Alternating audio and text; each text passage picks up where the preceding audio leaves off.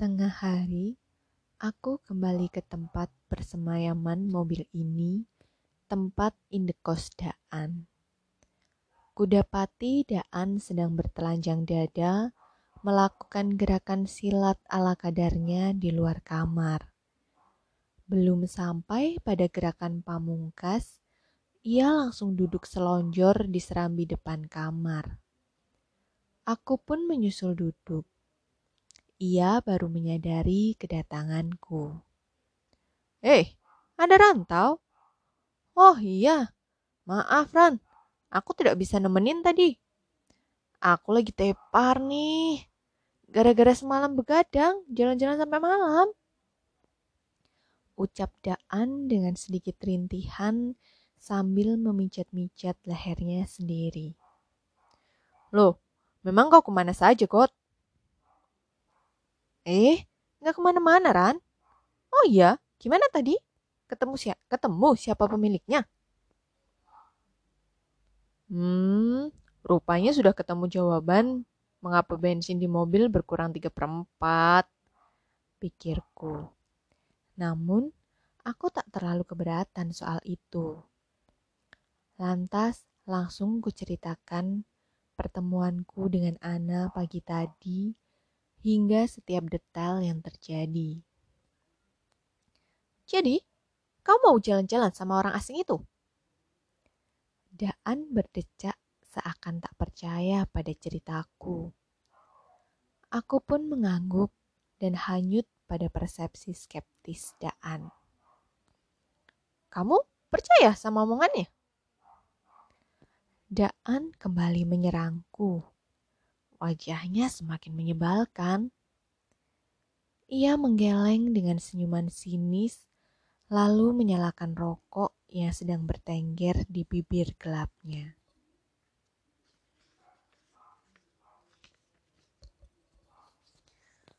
Aku pun ragu. Menurut kamu sendiri bagaimana? Rantau, rantau. Masih belum berubah sang brilian dengan sejuta analisis yang peragu. Harus berapa ribuan kali lagi kau sematkan istilah itu padaku. Aku sudah muak, Mogot. Sampai kau tak lagi jadi peragu rantau. Memangnya aku masih seperti itu? Tuh, kan ragu. Daan terkikik. Ah, masihkah harus kujelaskan, Got? Di dalam keraguan ada pertimbangan. Di dalam pertimbangan ada analisis. Di dalam analisis ada hipotesis. Di dalam hipotesis ada keyakinan. Sambung Daan yang sudah hafal dengan pepatahku. Tanpa ada keraguan, tak ada keyakinan. Tambahku tegas. Nah itu. Aku sedang memancing analisismu. Aneh saja, Ran. Baru kenal terus langsung ngajak kamu jalan-jalan. Perempuan high class, terpelajar, bisa seramah itu. Ucap Daan sambil memutar-mutar rokok dengan jemarinya. Ya, mungkin karena aku dianggap pembeli mobilnya. Lagi pula, apa kemungkinan terburuknya? Ingat teori kemarin. Mungkin saja ayahmu masih ada hubungannya dengan ibu perempuan itu. Tetap waspada, Ran. Mendengar perkataan Daan, batinku kembali meronta pada apa yang kualami dan apa yang kudengar. Memang sulit ketika kita mendengar langsung perkataan seseorang bersama siapa kita berada sekarang, sadar atau tidak, di sanalah pikiran kita berpihak. Apa jangan-jangan memang ada konspirasi dalam kematian ayahku? Apakah ada sesuatu yang ditutup-tutupi? Apakah mereka memang ada hubungannya dengan ayahku? Kalau ada, apakah Ana memang tidak tahu apa-apa? Atau justru dia terlibat sebagai alat konspirasi ini? Pembuktian sebenarnya baru dapat terungkap dua minggu lagi. Itu pun jika dia tidak berbohong. Lantas bagaimana, God? Daan mengembuskan nafas berasapnya. Ekspresinya semakin sok tahu, siap dengan nasihat kritisnya. Ya terserah, jalan bareng aja. Tapi jangan sampai jatuh cinta, Ran. Tidak akan, God. Aku masih punya Elora. Bukan soal itu. Kali aja kamu sama siapa namanya tadi? Ana. Ya, Ana.